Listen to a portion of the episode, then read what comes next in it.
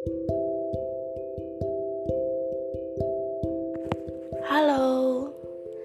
bertemu lagi di Landarin Podcast. Apa kabar teman-teman semua? Sehat-sehat aja kan? Ya, aku harap kalian sehat-sehat semua. Apalagi hatinya harus sehat ya.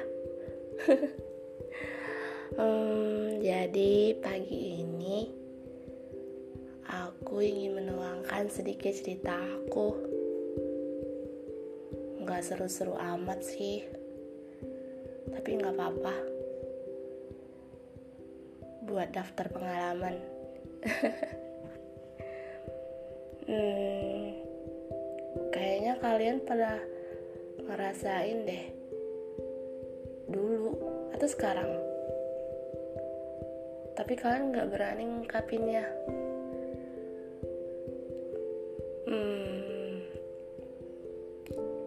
cinta mendengar kata itu ada seonggok kisah yang ingin aku ungkapkan kepada seseorang namun sampai detik ini belum juga tersampaikan. Dengan usia yang masih cukup belia dalam memandang arti cinta, aku mendapatkan banyak pelajaran dari kisahku ini.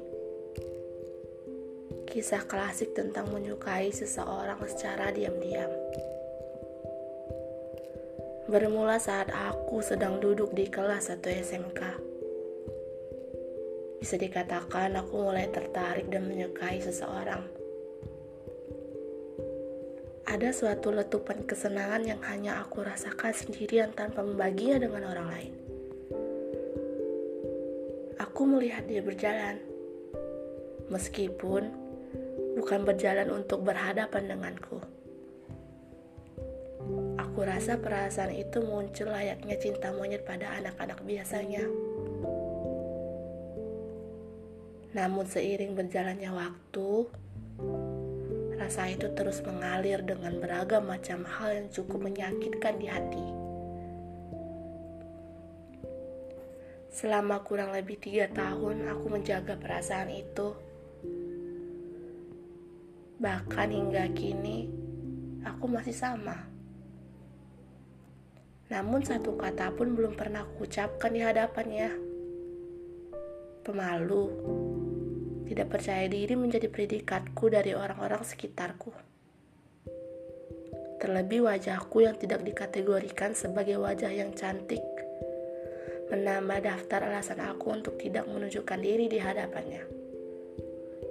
Aku bahkan mengikuti berbagai macam lomba agar terlihat lebih di hadapannya. Namun hatinya tetap menjadi miliknya. Mulai saat itu, aku menulis kisahku dengan beberapa untayan paragraf. Berlembar buku telah aku habiskan dengan satu objek tulisan tentang dia. Namun, tak ada satupun tulisanku yang sampai ke tangannya. Percayalah, dengan menulis saja aku merasa setengah bebanku berkurang.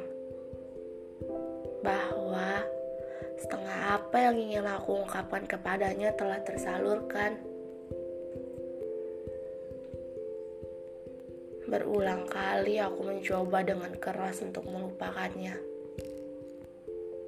Namun ternyata semakin keras seseorang melupakan orang lain, yang akan timbul adalah bayangan dia yang makin muncul di pikiran kita aku memutuskan untuk tidak lagi mencari tahu tentang kabarnya. Tidak menghiraukan perkataan orang lain jika ada yang menyebut namanya. Aku lakukan itu semua dalam batas wajar dan tidak memasakkan diri. Hingga saat ini, entah hidayah apa yang aku dapatkan. ada suatu pikirannya membuatku menghentikan semua perasaan terhadapnya.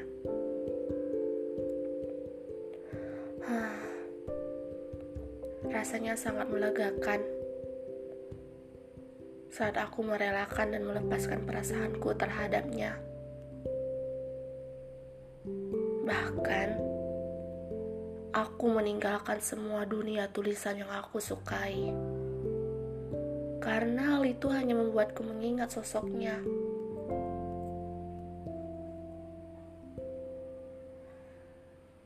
Dan kini, aku sudah tidak lagi mengingatnya ataupun menyimpan perasaan itu.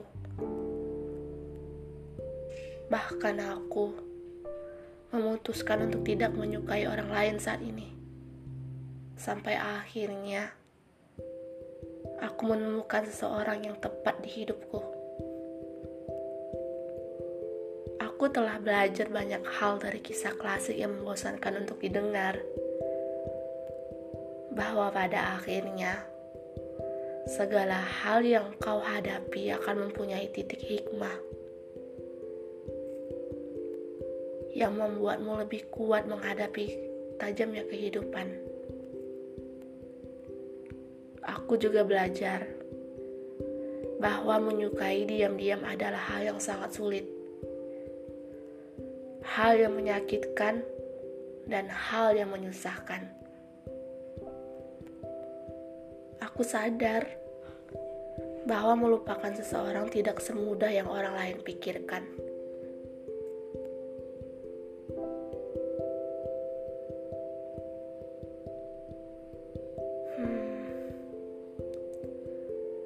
Aku ingin mengucapkan terima kasih kepada seseorang yang berhasil membuat aku untuk menyukainya.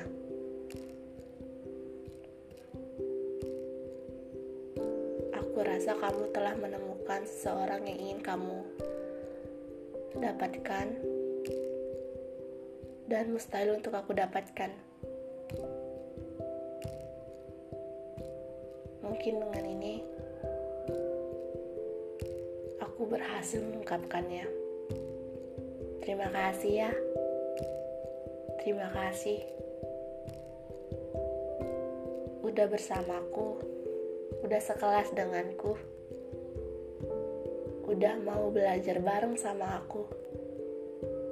Walaupun kita dekat, tapi kita ter terasa jauh.